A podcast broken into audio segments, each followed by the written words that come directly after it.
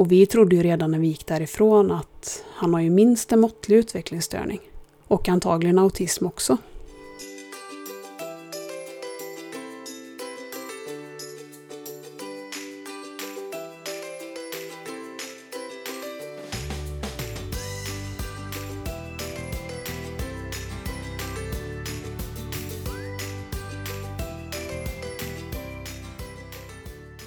Välkommen till det fjärde avsnittet av Nordlyckans podd. Och du lyssnar på mig, Emma. Och jag hoppas att ni har haft en fin midsommarhelg. Nu när jag sitter och spelar in det här så är det måndag kväll, midsommarveckan. Och vi har precis varit nere vid sjön och tagit ett kvällstopp.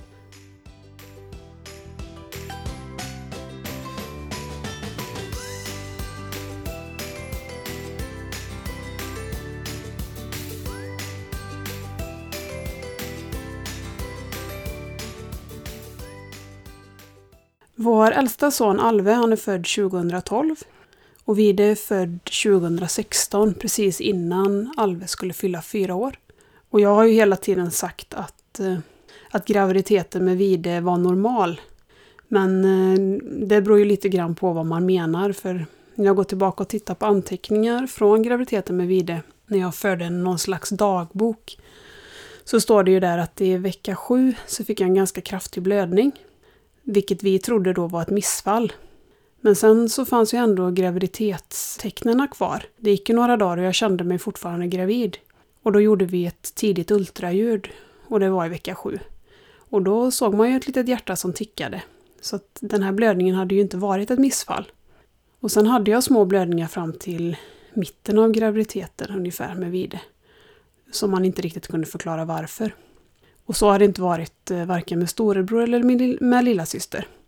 Så det vet jag ju inte om det hade någon koppling till syndromet, att kroppen på något sätt kände att det var något som var fel.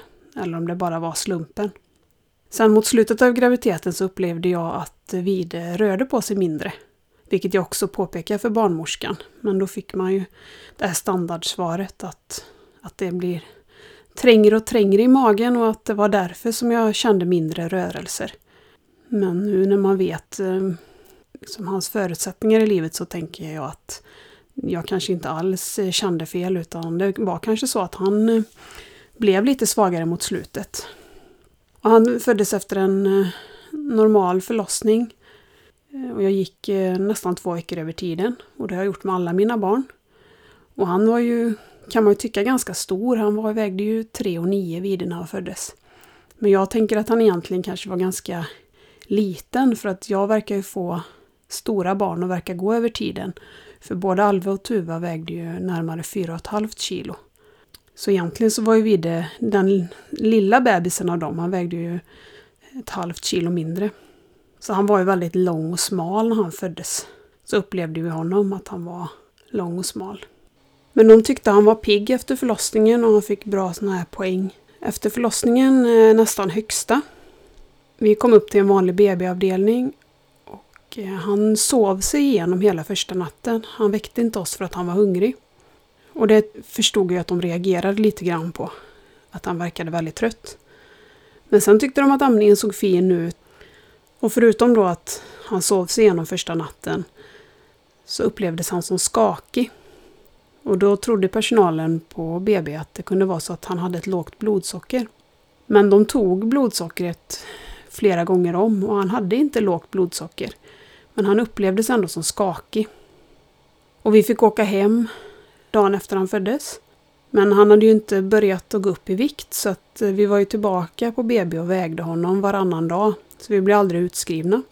Vi kämpade ju på hemma med eh, amningen och jag vet att jag pumpade ut och vi matade honom med kopp. Men problemet var ju att han eh, hade ett svagt sugbeteende. Det förstod inte vi riktigt då, men det förstod vi efterhand att det var så. Och så spydde han väldigt ofta också. Han hade någonting som heter reflux, som är att inte magmunnen stänger sig ordentligt. Så om han fick lite för mycket mat i magen så vände det ut och in.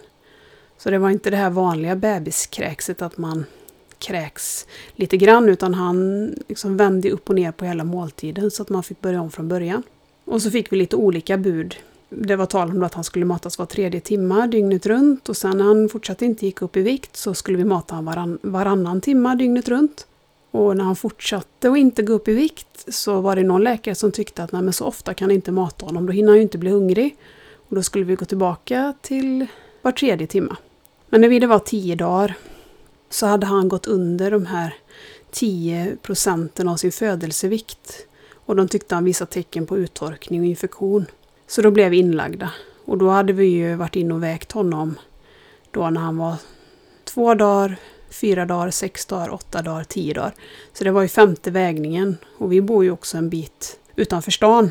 Det var ju två mil in till lasarettet härifrån. Så den veckan eh, kommer vi, jag kommer knappt ihåg vad vi gjorde den veckan eller de tio dagarna. För dels så skulle vi mata honom då varannan och var tredje timma med ett barn som var väldigt svårmatat. Plus att vi då varje dag, eller varannan dag, skulle åka in till sjukhuset och väga honom. Men både jag och min sambo, vi är ganska lugna. Så vi blev inte så här jätteoroliga egentligen för att vi skulle bli inlagda, utan det som var jobbigt var ju att det var Alves eh, fyraårsdag. Och Alve älskar ju att fylla år. Så det är väl den känslan jag kommer ihåg. Vi hade ju firat Alve på förmiddagen här hemma. Hon hade fått paket och sen hade vi varit inne och lekt på lekplatsen inne i Borås, eller en av de stora lekplatserna inne i Borås. Och sen så var ju tanken då att vi bara skulle gå upp och väga Vide och så skulle vi köpa med oss fika och åka hem. Men nu blev det ju inte riktigt så utan jag och Vide fick stanna kvar på sjukhuset och Henrik och Albert fick åka hem själva. Och det var väl det som kändes tyngst att som mamma inte kunna följa med sitt barn hem på hans födelsedag. Och sen var min mamma inne på kvällen, kom med en väska.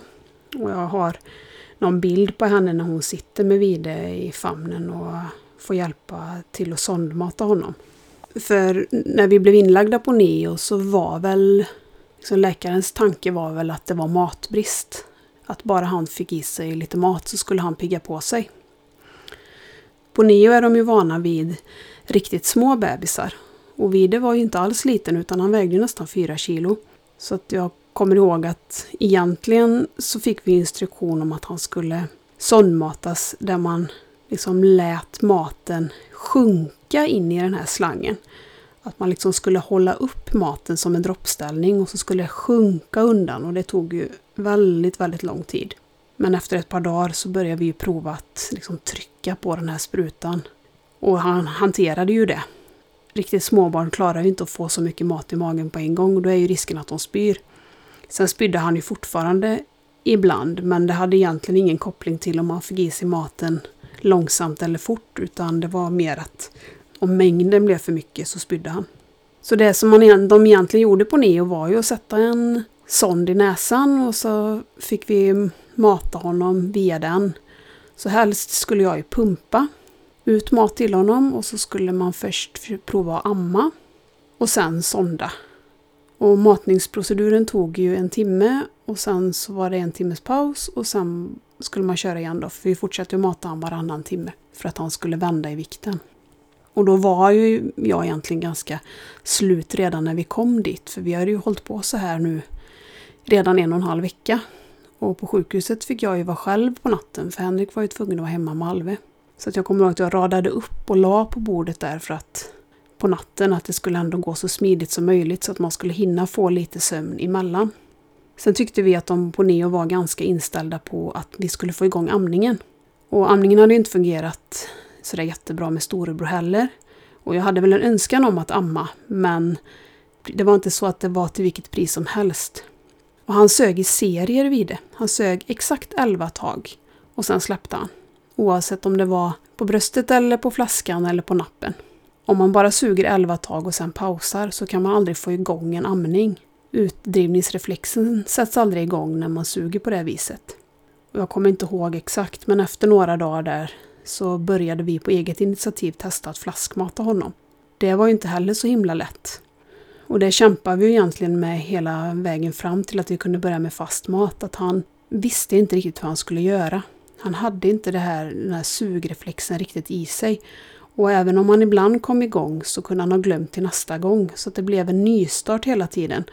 Fast att man matar så många gånger per dygn så kom han ändå inte ihåg från gång till gång. Och sen de här första dygnen i alla fall som vi var på Neo så sov han ju hela tiden. Och jag kommer ihåg att han sov sig igenom undersökningar. Och de tyckte att han hade lite svaga reflexer. Men eh, de sa att det fanns inte en uppenbar sjukdomsbild. Alltså det var inte uppenbart att han var sjuk. Och de tog ju mängder med prover på honom. Jag vet att de tog väl för de vanligaste kromosomavvikelserna och de tog även för ämnesomsättningssjukdomar. Och det är ju just det som Vidde har, han har ju en ämnesomsättningssjukdom. Sen gjorde han en, ett ultraljud på hjärnan och även en magnetröntgen på hjärnan. Och det var det enda som jag egentligen blev ledsen för, det var när de började prata om det här med hjärnan. När man förstod att, att de misstänkte att det kanske var en hjärnskada. Så små barn söver man inte inför magnetröntgen utan han fick eh, någon form av lugnande och så vet jag att vi gick ner tillsammans med en sköterska som hade en akutväska på ryggen. Och så fick han åka in i den här maskinen. Och vi valde att inte vara med just under själva magnetröntgen utan vi gick och tog en kaffe och sen så ringde de när han var tillbaka. Och sen satt vi och övervakade honom för att de kan bli påverkade i efterhand då på grund av det här lugnande medlet. Och vi låg inlagda på NEO i ungefär två veckor. Och i efterhand så låter ju inte det som så lång tid men det är ju väldigt intensiva veckor. Så det känns ju som att vi bodde där i två månader.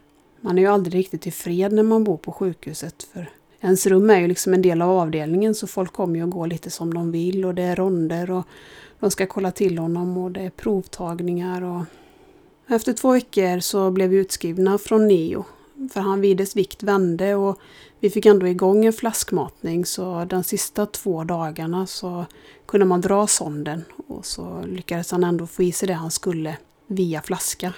Vi hade ju en väldigt noggrann matdagbok som man skrev ju upp exakt hur mycket han hade ätit och vilka tider. Och så räknar man ju per, per dygn hur många milliliter mat han hade fått i sig. Alla provsvar och så som hade kommit tillbaka, det var ju ingenting som visade att det var någonting avvikande. Och magnetröntgen visade ju inte heller någon hjärnskada. Och då fick vi förklarat för oss att det kan vara så att hjärnskador inte syns på så små barn utan att man måste vänta in då att hjärnan utvecklar sig. Så vi gick ju med tron att det ändå var en möjlighet att han hade en hjärnskada.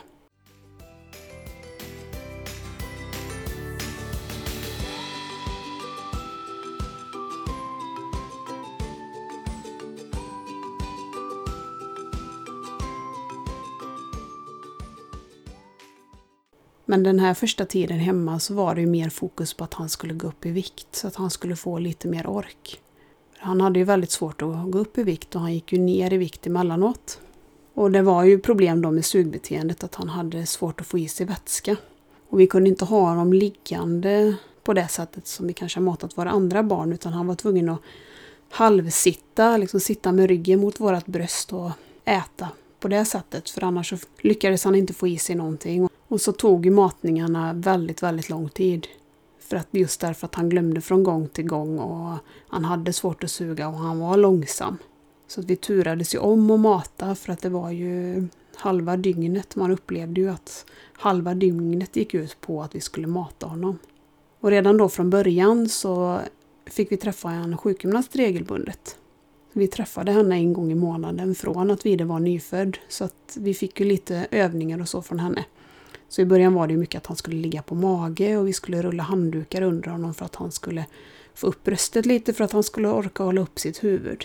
Och sen tyckte sjukgymnasten också att han hade ett platt bakhuvud som då kunde bero på att han låg mycket stilla. Så att vi köpte någon sidsovarkudde som han hade som han låg på, eller låg med hela tiden då för att man skulle alternera mellan vänster och höger sida för att han inte skulle ligga för mycket på rygg. Och nu i efterhand tänker jag att hans huvud såg nog bara ut så. Det var nog platt. Oavsett hur vi hade haft honom liggande. Så det första året så träffade vi neurologen var tredje månad. Och sen träffade vi sjukgymnasten varje månad. Och ibland träffade vi en logoped. Och i början var ju logopeden mer en hjälp för att försöka hitta ett sätt att få i honom mat. Vi fick testa lite olika flaskor och fick testa att hålla honom i lite olika ställningar och så. Så det var liksom mer tips för att få i honom mat så att han skulle få bolla mat. Och sen när han var tre fyra månader så fick vi även medicin mot reflux. Och då blev det ju mycket bättre. Och jag vet egentligen inte varför vi inte fick den medicinen från början. För då spydde han ju inte alls lika ofta längre. Och när han var fyra månader så började vi då med lite smakportioner. Och sen blev det att vi fasade ut ersättningen så att när han var sex månader så åt han bara fast föda. Mest, eh, ja, det var ju blandat. Det var ju gröt och puréer. Vi kom ju överens med vår läkare att det var viktigare att han fick i sig mer energi och fick behålla maten än att vi skulle kämpa på med ersättning. Så från att han var sex månader så slopade vi flaskan. Och då blev det ju lite lättare. Det tog inte riktigt lika lång tid att mata honom med sked.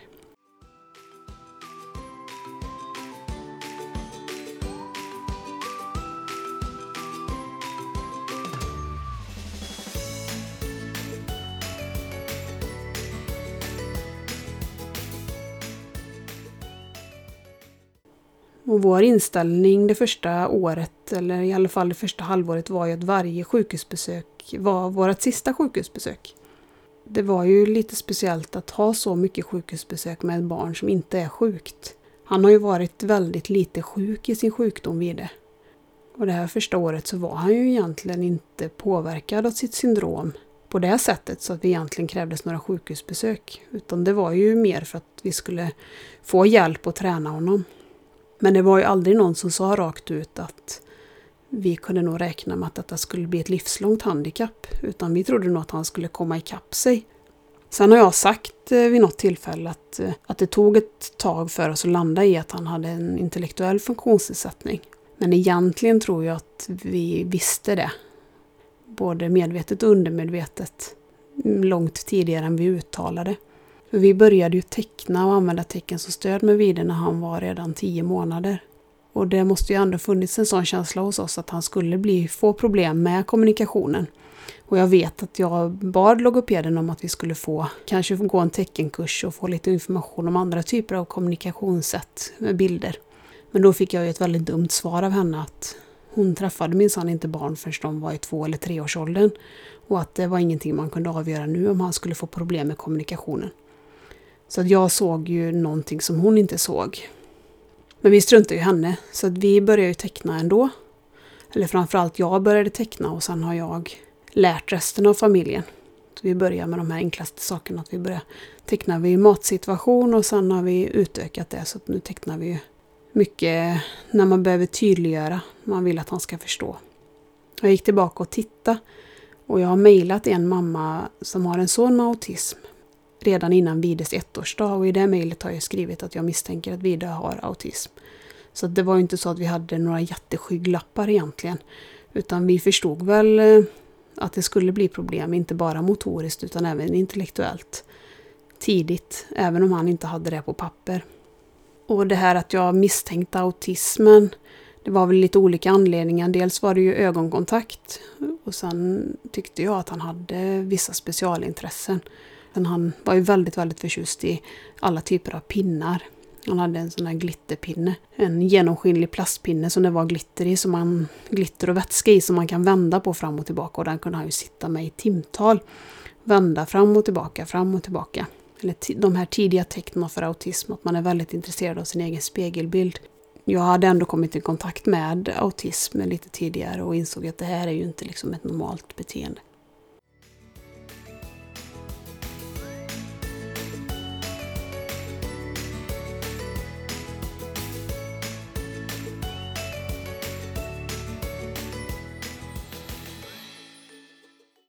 Sen hade vi lite otur egentligen med BVC, för vi bor ju i en liten ort utanför Borås. Och ganska nära här så finns det en vårdcentral och en BVC. Men just då när Vide föddes så var den, den vårdcentralen som landstinget drev, den hade lagts ner. Och sen var det då en tid när det inte fanns en vårdcentral här ute innan en privat aktör öppnade upp igen. Så då fick vi gå in i stan det BVC hade ju väldigt, väldigt mycket att göra. Så det var ju lite löpande bandet-känslan. Att det var en familj in och en familj ut. Och det var ju inte optimalt när man har ett barn med speciella behov som kanske behöver extra undersökningar. Vi hade ju ingen personlig kontakt med henne. Hon kom ju inte ihåg oss från gång till gång. Jag vet vid något tillfälle när vi kom in hos den här BVC-sköterskan och hon sa att Ja, hur går det med hans ljumskbråck? Och vi tittade på varandra och tänkte att vad är det nu vi har missat? Har han ett ljumskbråck också? Men då hade hon ju tittat på fel barn. Så hon hade ju ingen koll på vad Vida hade för svårigheter. Och det är någonting som vi tänkte på tidigt var ju hans syn. Att han fäste ju inte med blicken och han skelade ju väldigt mycket. Och då frågade vi om det, om man inte skulle göra några undersökningar. Och då vet jag också att vi fick till svar att om det gör man inte nu utan det väntar man med. Men vi var ändå lite påstridiga och tyckte att ja, fast nu har vi ju tecken på att det är andra saker som också inte riktigt stämmer. Att han inte följer sin utveckling och han har svårt att gå upp i vikt. Så nu vill vi kolla synen. Och Vide född i slutet på april och i november fick vi komma till syncentralen och han gjorde en ögonbottenundersökning för första gången. Och de kunde ju konstatera redan i vårt första besök där att han hade någon typ av hjärnsynskada. De är ju väldigt duktiga där på synmottagningen och kan ju säga väldigt mycket om en barns syn bara genom att iaktta hur barnet rör sig.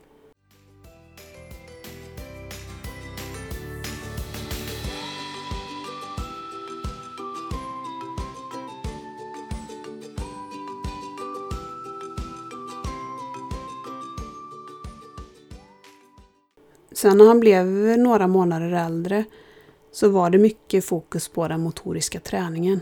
Och jag har skrivit upp några motoriska milstolpar. Och han var åtta månader gammal när han hade börjat lära sig att sitta korta stunder utan stöd. Och så precis innan jul så lärde han sig att rulla. När han var ett år så hade han lärt sig att hålla i en sugrörsmugg så att han kunde dricka själv utan att vi höll i muggen åt honom. Och när han var ett år så fick han en gåstol i födelsedagspresent. Vi hade ju frågat efter en gåstol hos sjukgymnasten men hon tyckte inte att det var ett bra hjälpmedel. Att det gav inte ett naturligt steg så hon ville inte skriva ut någon. Men hon tyckte att vi kunde absolut köpa en till honom själva med argumentet att det var för att locka honom till självständig förflyttning. För det känns ju lite hemskt att säga om sitt eget barn men Vide saknar ju driv han har inte ett eget driv att lära sig nya saker utan han måste ju pushas framåt. Han är ju väldigt nöjd hela tiden med det han redan kan. Men vi köpte i alla fall en sån här helt vanlig gåstol till honom och då fick han ju ändå upp lusten för det här att röja i köket och kunna röja lite i diskmaskinen och kasta bestick i golvet och så. Och en av de milstolparna som jag kommer ihåg som ett stort ögonblick var ju när han lärde sig hoppa framåt på rumpan själv när han hade sin första självständiga förflyttning utan hjälpmedel. Vi försökte ju få honom att eh, hoppa framåt. Han började ju med att han tryckte sig bakåt så han sköt sig bakåt. Men sen får man ju försöka vara lite förnulig och komma på lite egna lösningar. Så då satte vi yogablock och sen så la vi en gammal bordsskiva så att det blev som en lätt, lätt nedförslutning. Och så satte vi honom liksom på toppen av den och så hoppade han neråt. Eller vi drog i honom då för att han skulle känna. Och när han satt i den här lite nedförslutningen så räckte det att han liksom hoppa lite, lite grann så kom han ju framåt. Så vi höll på att traggla och traggla och traggla i den här nedförsbacken. Tills han kom på hur han skulle göra för att få kraften med sig framåt. Och sen kunde han till slut då hoppa på golvet hemma. Så jag kommer ihåg första gången när han hoppade fram till kattmatskålen och man förstod att vi skulle behöva plocka undan den från golvet. Att det var ju så roligt att eh, det här vanliga att, att han helt plötsligt satt åt kattmat när man hade vänt ryggen till var helt fantastiskt. Och jag vet också att när han lärde sig att vända sig, att om jag satte han i ett läge på golvet och han vred sig så att man liksom fick ryggen mot sig, att man också blev väldigt, väldigt glad av det, att han liksom kunde välja själv åt vilket håll han ville sitta.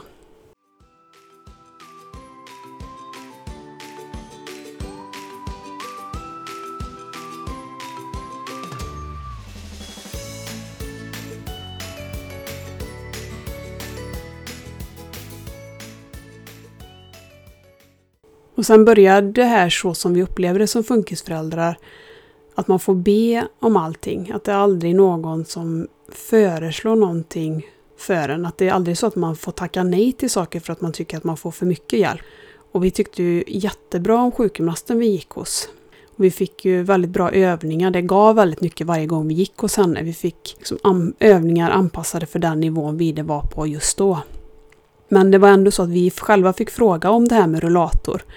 Att vi tyckte att eh, han kanske skulle kunna få en sån utskriven. Och jag skulle nog säga att om vi inte hade fått rullatorerna utskrivna så vet jag inte om vidare lärt sig att gå.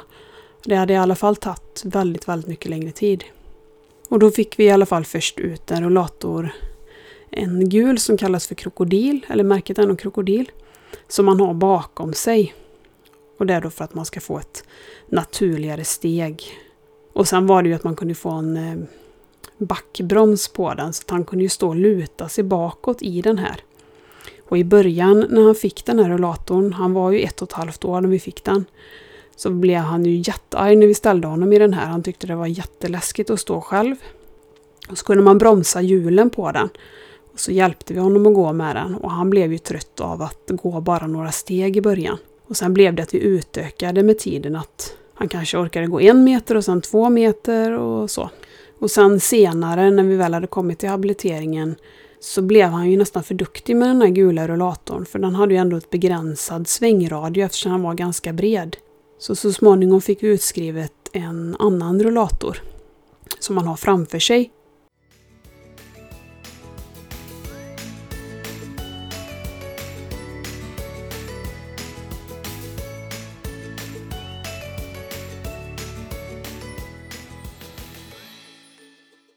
Han gjorde också ett eh, hörseltest någon gång under sitt första år. Och det är ju lite typiskt för barn med autism att man testar hörseln. För att barn med autism uppfattas ju ofta som att de inte hör för att de inte reagerar på ljud. Och då fick vi först komma och göra ett test som inte alls var anpassat för ett barn med, liksom, som är sen i utvecklingen. För han skulle sitta vid ett bord och så var det två skärmar, en till höger och en till vänster.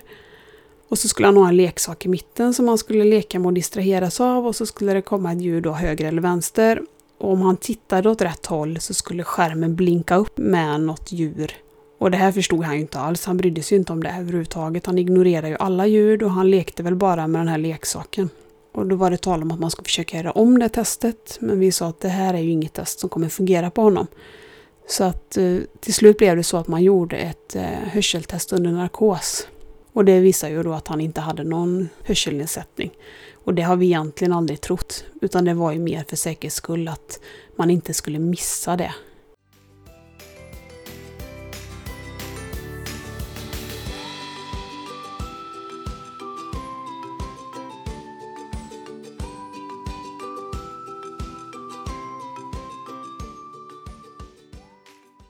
Från början då så tillhörde vi både NIO och barnmottagningen.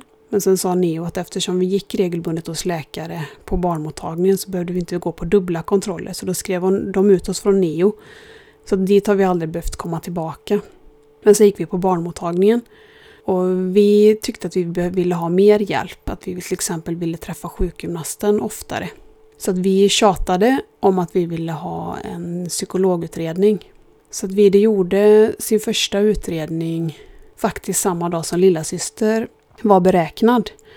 Så det var i början på januari 2018 som han eh, träffade en psykolog för första gången. Och det var ju ingen fullständig utredning utan det var ju bara en träff med den här psykologen. Och jag var ju säker på att vi skulle få diagnosen autism vid det här mötet.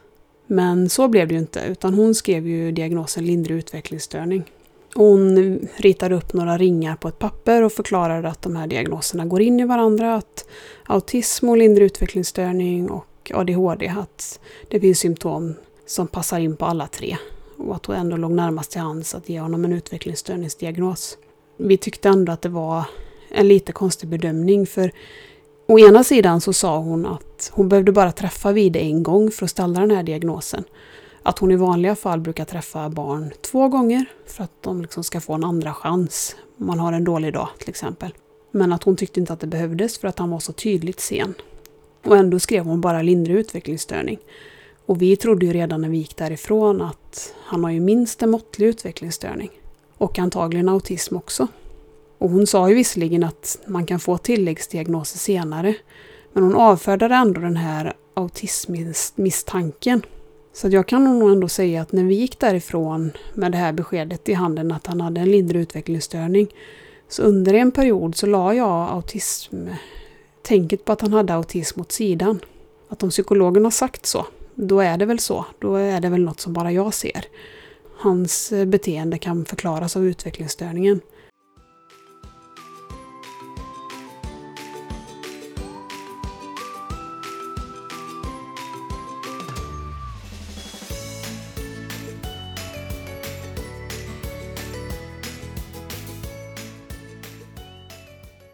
Vi hade ju någon tro om att när vi kommer till habiliteringen så kommer vi få mycket mer hjälp. Men det blev ju inte riktigt så, utan det blev ju ungefär samma. Att vi fick träffa sjukgymnasten en gång i månaden och de var ju nästan lite förvånade över att vi ville träffa henne så ofta. Att de flesta barn verkar bara ha avstämning, kanske en eller två gånger per år och inte alls träffa sjukgymnasten för regelbunden träning. Och vi hade ju kanske trott att vi skulle få träffa henne oftare eller att vi skulle få vara med i någon grupp, kanske gå och bada eller någon motorikgrupp. Men det fanns ju inga sådana grupper. Och sen blev vi inskrivna på habiliteringen med den här lindrig utvecklingsstörning, den diagnosen. Och det är klart att de hade inte träffat Vide, så när vi kom dit så var det ju det enda de visste. Det var ju det som stod i papperna. Men vi var ju medvetna om att han hade mycket större svårigheter och att det även var motoriska svårigheter. Så jag tyckte att det verkade som att de nästan blev överraskade också när vi ville ha hjälp med det motoriska. Att de inte hade förstått hur sen han var i utvecklingen överlag. Och det är inte mycket hjälp vi har fått som vi inte själva har fått initiera på något sätt. Det var väl egentligen de första månaderna som vi fick mer hjälp än vad vi bad om.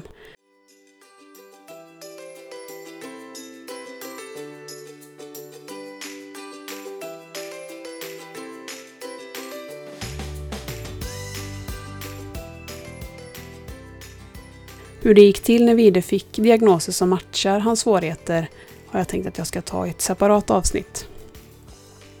Och om du vill komma i kontakt med mig så kan du skriva till mig antingen på Instagram eller på Facebook.